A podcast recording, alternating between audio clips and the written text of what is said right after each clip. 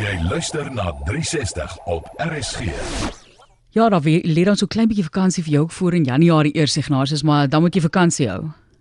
Ja, maar least, maar dan vat ek af. Dan gaan ek weer kans hê om boeke te kan lees in plaas van om te moet internet lees en stories soek sodat ek vir jou 'n storie kan vertel soos nou.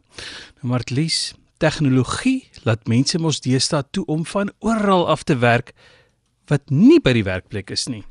Mense wat met vakansie gaan, moet maar rus. Nie net vir die herlaai vir 'n nuwe jaardoeleindes nie, ook om uit die moeilikheid uit te bly. Tok-tokkie speel is katte kwaad.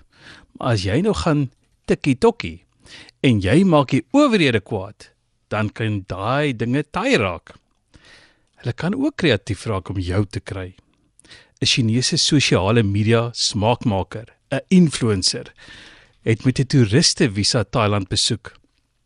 Daar maak sy toe 'n video waar sy 'n gewilde toerismegebied as onveilig vir vroue uitbeeld.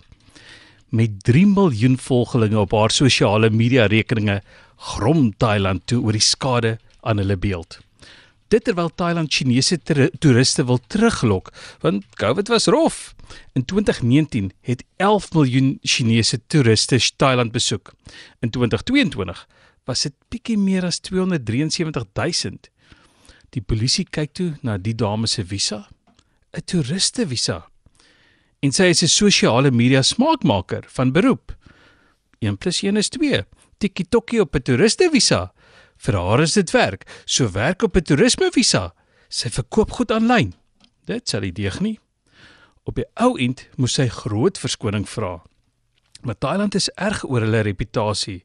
In 2020 is 'n Amerikaner vir 2 dae toegesluit na hy 'n swak resensie van 'n hotel op 'n reiswebblad gelos het.